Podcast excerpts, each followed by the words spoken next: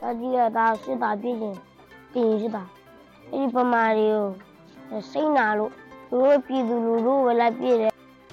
နောက်တစ်ယောက်ဆိုသူဘယ်လိုပြောပြလဲဆိုအခုချိန်မှာသူဘာဖြစ်ချင်လဲဆိုရင်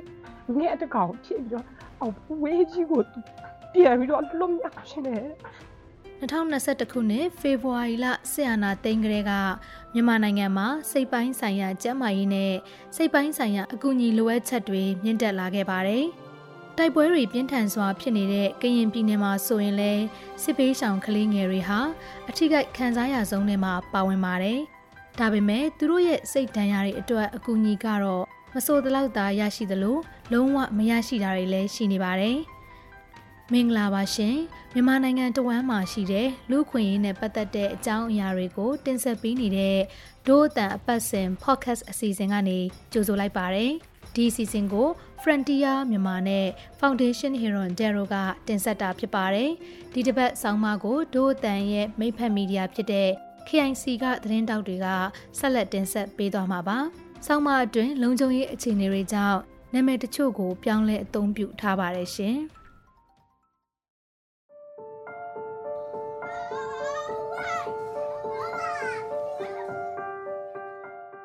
သက်နှစ်နှစ်သားသာရှိသေးတယ်။အောင်မျိုးသူဟာအသက်ကြည်ကြဲလလုံးလေးဆိုရင်ကြောက်တတ်ပါတယ်။လူဖြစ်ရတာမကြသေးတဲ့သူရဲ့သက်တမ်းတစ်ဝက်ကတနက်တန်လေချောင်းတိုက်ခိုက်တယ်နေနဲ့စစ်မက်ဇုံတွေမှာနေထိုင်ရတာပါ။လွန်ခဲ့တဲ့နှစ်လောက်တုန်းက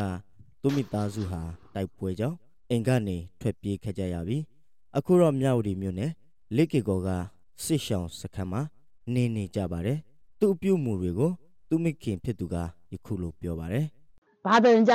ဟိုသူတို့ကားတကားပိတ်တာမသိဘူးဒုံခွဲပြီးသွားဆိုတနက်ပြစ်ဆိုသူပြန်ပြေးလာသူအခုကသူအခုကြောက်ရမလားငါကြတနက်ပြစ်တော့မယ်ထမင်းပါမစားရခါကြထမင်းစားတာပြီးပြေးရတော့မယ်တာထမင်းမစားဘူးဆိုအပြေးမစားရဘူးအဲအဲ့လိုပြောအဲသူကြောက်ပြီးစားပြေးရမှာကြောက်လို့လေအခုတော့စစ်ရှောင်းစခန်းမှာနေနေတယ်ဆိုပေမဲ့စစ်ဖြစ်နေတဲ့ဒေသမှာနေထိုင်နေကြရတဲ့သူမတို့ဟာအချိန်မီပြေးနိုင်ဖို့အတွက် အထောက်တထုံနဲ့အသင့်ဆောင်နေကြရပါတယ် ISP မြန်မာရဲ့နောက်ဆုံးအချက်အလက်တွေအရ2021ခုနှစ်ဖေဖော်ဝါရီလ1ရက်နေ့ကနေ2023ခုနှစ်မတ်လ18ရက်နေ့အထိမြန်မာနိုင်ငံတော်ဝန်မှာတိုက်ပွဲအနည်းဆုံး8590ကြိမ်ဖြစ်ပွားခဲ့ပါတယ်အဲ့ဒီအထက်က52ရာခိုင်နှုန်းကကရင်ပြည်နယ်ကဖြစ်ပါတယ်။ဒါကကရင်ပြည်နယ်တစ်ခုထဲမှာတနိုင်ငံလုံးအတိုင်းအတာရဲ့ထက်ဝက်ကျော်ဖြစ်နေတာပါ။ ကရင်မျိုးသားလူမျိုးရေးတပ်မတော် KNL ရဲ့အချက်အလက်တွေအရ2022ခုနှစ်တစ်နှစ်အတွင်းကရင်ပြည်နယ်မှာမြန်မာစစ်တပ်ကလေကြောင်းတိုက်ခိုက်မှု105ကြိမ်ကျော်လုပ်ခဲ့ပါတယ်။ကရင်ပြည်နယ်ကတိုက်ပွဲတွေကြောင့်စစ်ရှောင်နေရသူ9သိန်းနီးပါးရှိပြီး30ရာခိုင်နှုန်းကကလေးတွေဖြစ်တယ်လို့ကရင်အမျိုးသမီးဖွဲ့စည်း KWO ရဲ့အချက်အလက်တွေရသိရပါတယ်။ကရင်ပြည်နယ်ရဲ့တိုက်ပွဲဖြစ်ပွားနေတဲ့နေရာအနီးအနားမှာ နေထိုင်နေရတဲ့ကလေးတွေဟာသူတို့တွေကြုံတွေ့ရတာတွေကြောင့်စိတ်ပိုင်းဆိုင်ရာထိခိုက်ခံစားနေရပါတယ်။ဒါကသူတို့ရဲ့စိတ်ပိုင်းဆိုင်ရာဖွံ့ဖြိုးတိုးတက်မှုအတွက်အနှုတ်ဘက်ဆောင်တဲ့သက်ရောက်မှုတွေဖြစ်စေခဲ့ပါပြီ။အဲ့ဒီစိတ်ရှောင်စခန်းရဲ့တဲတစ်ခုအရှိမှာပဲအသက်17နှစ်အရွယ်စလွင်ဦးကဒုတ်တန်ကိုစကားပြောခဲ့ပါတယ်ကာတွန်းဘောင်းမီလေးနဲ့သူကကလေးတယောက်နဲ့တူနေပေမဲ့မျက်နှာမှာတော့ နာကျင်မှုတွေခါခါတီးတီးမုန်တီးမှုတွေနဲ့ပြည့်နေပါတယ်သူက2020ခုနှစ်ဒီဇင်ဘာလတုန်းကလက်ကေကောမှာတိုက်ပွဲဖြစ်တော့မှသူမိသားစုနဲ့အတူဆိတ်ရှောင်ခဲ့ရပါတယ်ပထမတော့ဖုန်ကြီးကျောင်းတစ်ခုမှခိုလုံခဲ့ကြပေမဲ့အဲ့ဒီကနေထပ်ပြီးတော့ပြေးရပါတယ်ကြုံမှုတဲ့ဗလဲဖလူကြောင်းမှာတော့သူတို့ဂျာနွာပဲလုံပြတာဒီမှာကျတော့ဝင်ပြတာ ပြုံးလာသူလိုပြေးတာလူတွေအားရတီဗလဲနောက်ပြီးတော့ဟိုနေရာကထိပါတယ်တနေ့နဲ့နေရာဟိုဘက်ပြေနောက်နောက်မှကျန်နေနေမသိရလူကြီးကအမေလည်းလည်းဆိုတော့ဟိုဂုံစင်းမှာအဲ့ဒါလူတွေလူတွေပါတွင်းချော်လေတက်နေမိရတာမလူတွေတောင်းနေမိရတာချော်လေတော့လူကြနေနာတော့နာစလွင်ဦးကစစ်ရှောင်းစခန်းမှာ သုံးတန်းတက်နေတဲ့ចောင်းသားသာရှိနေပေမဲ့သူရဲ့အနာဂတ်အလုတ်အကင်အတွက်သူ့ဘာသာသူဆုံးဖြတ်ထားပြီးပါပြီတာကြီးကဒါစစ်တာပြည့်ချင်းတင်စစ်တာအဲ့ဒီပမာတွေကိုစိတ်နာလို့သူတို့ပြည်သူလူထုပဲလိုက်ပြည့်တယ်ဒီစစ်တာရင်စစ်တာရင်ပြည့်ပေါ့အဲပြည့်တာသူတို့ပြည်သူလူထုပဲသိတာများတာတို့အတန်ကဆွရှောင်းစခန်းမှာနေတဲ့အခြားကလေးတွေနဲ့လူငယ်တွေကို စကားပြောကြည့်တော့လဲယောက်ျားလေးတွေကဒီလိုတူညီတဲ့အဖြေတွေပဲပေးခဲ့ကြချိန်မှာဆယ်ကျော်သက်မိန်းကလေးတွေကသူတို့ရှိခဲ့တဲ့အိမ်မက်တွေပြက်ခဲ့ရပြီမို့ဘာဆက်လို့ရမှန်းမသိကြသေးပါဘူးဆွရှောင်းစခန်းမှာကလေးအသက်အရွယ်အားလုံးတွေအတွက်ယာယီကျောင်းတစ်ခုစောက်ထားပေမဲ့အထက်တန်းဆရာအလုံးလောက်မရှိပါဘူးနန်းတွေကစစ်ရှောင်စခန်းမှာရှိနေတဲ့ဆီယာမတွေထဲကတယောက်ပါ။ကျောင်းထွက်နှုံးတွေများလာတယ်လို့သူမကဆိုပါတယ်။ အောင်မလုပ်ချင်တော့ဘူး။ကြောင်ဆက်တဲ့ခိုင်းတော့မှအင်းအင်းပဲသူတို့ကအထူးသဖြင့်ယောက်ျားလေးတွေဆိုရင်သူတို့ပြန်ပြစ်ချင်တယ်။နောက်တစ်ယောက်ဆိုသူဘယ်လိုပြောပြလဲဆိုအခုချိန်မှာသူဘာဖြစ်ချင်လဲဆိုရင်ငဲ့တကောင်ဖြစ်ပြီးတော့အော်ဝေးကြီးကိုသူပြန်ပြီးတော့လွတ်မြောက်ချင်တယ်။ကျမတို့ကလေးတွေကဒီစနေနဲ့ဆက်ရှင်နဲ့ရွယ်ဆိုအရင်သူတို့စိတ်တိုင်းဆိုင်ရအများကြီးတည်တယ်။သူတို့နေတဲ့စစ်ရှောင်စခန်းတွေမှာ စိတ်ပိုင်းဆိုင်ရာအကူအညီပေးရေးအစီအစဉ်တွေမရှိပါဘူး။မိဘတွေကလည်းသူတို့ကိုယ်တိုင်တော့စိတ်ကဖိစီလိုက်စိတ်သက်ကြလိုက်နေမို့ကလေးတွေရဲ့စိတ်တန်ရာကိုဘယ်လိုကုစားပေးရမလဲဆိုတာမတွေးနိုင်အောင်ပါပဲ။မြန်မာနိုင်ငံမှာစိတ်ပိုင်းဆိုင်ရာတိုင်ပင်ဆွေးနွေးပေးတဲ့ဝန်ဆောင်မှုတွေအွန်လိုင်းနဲ့ကောဖုန်းနဲ့ပါပေးနေတာရှိပေမဲ့စစ်ရှောင်ဒေသတွေကလူတွေမှာတော့အင်တာနက်ဘူးလည်းမတက်နိုင်သလိုဖုန်းလိုင်းကလည်းမကောင်းပါဘူးတို့တန်က မဲဆောက်မက်တော်စီကန်ကစိတ်ပိုင်းဆိုင်ရာတိုင်ပင်ဆွေးနွေးပေးသူတူဦးနဲ့စိတ်တန်ရာရနေတဲ့ကလေးတွေနဲ့ပတ်သက်ပြီးစကားပြောဖြစ်ခဲ့ပါတယ်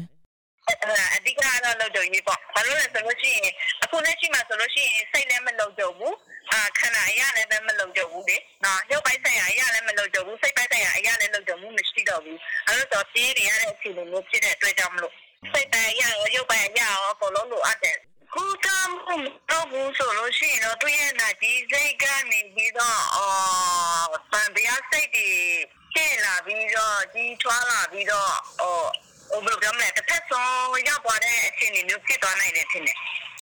စိတ်တန်ရာရနေတဲ့ကလေးတွေနဲ့သူတို့ရဲ့ပညာရေးအဟန့်အတားပြဿနာတွေဟာစစ်ရှောင်စခန်းတိုင်းလိုလိုမှာဖြစ်နေတယ်လို့ကရင်အမျိုးသမီးအဖွဲ့အစည်းရဲ့အထွတ်ထွေတွင်ရင်မူနော်ကညောဖောကပြောပါတယ် ကရင်ပြည်နယ်ကနေရတော်တော်များများဟာစစ်ဖြစ်တဲ့နေရာနဲ့နေတာဒါမှမဟုတ်ရုတ်တရက်တိုက်ခတ်ခံရတာတွေရှိပါတယ်ကျောင်းတွေဖွင့်မယ်ဆိုပေမဲ့တိုက်ပွဲဖြစ်တာနဲ့ပြန်ပိတ်ရပြန်ပါတယ် de mi que cuál poder para ir para de poder de para que para para yo le para ကလေးတွေကပျော်ရွှင်စွာနဲ့စာတင်ကြမယ့်အချိန်မှာတိုက်ပွဲတွေကြားမှာပြေးနေရတယ်။ နောက်စစ်ကောင်စီကလေကြောင်းတိုက်ခိုက်မှုတွေပါပြုလုပ်လာတဲ့အတွက်ကလေးတွေဟာစိတ်တန်ရာအကြီးကျယ်ဖြစ်နေရတယ်။နောက်ကလေးတယောက်ဟာကြောက်စိတ်အမြဲတမ်းဝင်နေတဲ့အနေအထားမှဆိုရင်သူ့ကိုကုစားမှုပြုလုပ်ပေးဖို့အတွက်အချိန်အများကြီးပေးရမယ်။နောက်နာကြီးစိတ်တွေဝင်လာတယ်။ဒီအရာတွေကသူတို့ရဲ့ဘဝတစ်လျှောက်လုံးပါသွားမဲ့မကောင်းတဲ့အရာတွေမကောင်းတဲ့စိတ်ဓာတ်တွေဖြစ်တယ်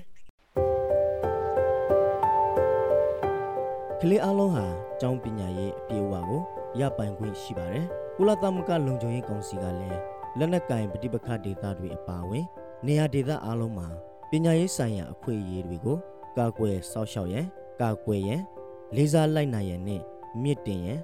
သက်ဆိုင်တဲ့အဖွဲ့အစည်းအလုံးကို2021ခုနှစ်မှာတောင်းဆိုထားပါတယ်။ကလေးတွေရဲ့ကျန်းမာရေးနဲ့ဘေးကင်းလုံခြုံရေးကိုလည်း Geneva Convention နဲ့ကလေးသူငယ်အခွင့်အရေးဆိုင်ရာညီလာခံသဘောတူညီချက်အရအကာအကွယ်ပေးရမှာဖြစ်ပါတယ်ဘလို့ဥပဒေတွေရှိနေပါစေ စလွင်ဦးလိုစိတ်တန်ရာရနေတဲ့ကလေးတွေအတွက်အကူအညီကတော့နေပါနေသေးတော့ပါပဲဒါကကလေးတွေရဲ့ကျန်းမာရေးနဲ့ဘဝရွေးချယ်မှုတွေမှာအစိုးဘက်ကိုရောက်စီယုံတာမကဘူးလူအဖွဲ့အစည်းဒေသနဲ့နိုင်ငံရဲ့ငြိမ်းချမ်းရေးလုံခြုံရေးနဲ့ဖွံ့ဖြိုးတိုးတက်ရေးကိုပါဘယ်လိုတက်ရောက်မှုရှိနေပါသလဲနော်ကညောဖောက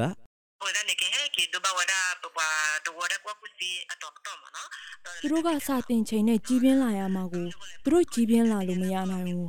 အဲ့ဒါကြောင့်ကျမတို့ကလူမှုပညာရေးကိုထိခိုက်လာမယ်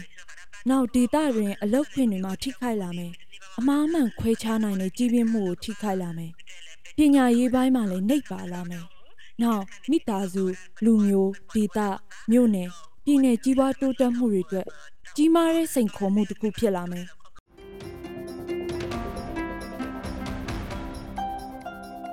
အခုတင်ဆက်ပေးခဲ့တဲ့အစီအစဉ်ကိုနားဆင်ကြရလို့ကျင်းနေမယ်လို့ဒို့အတန်အဖွဲ့သားတွေကမျှော်လင့်ပါတယ်ဒီအစီအစဉ်ကိုအလှူရှင်တွေကပံ့ပိုးကူညီထားပြီး Frontier မြန်မာနဲ့ Foundation Heron Dero ကပူးပေါင်းတင်ဆက်တာဖြစ်ပါတယ်ဒို့အတန်အစီအစဉ်ကိုနားဆင်ပေးတဲ့အတွက်ကျေးဇူးတင်ပါတယ်ရှင်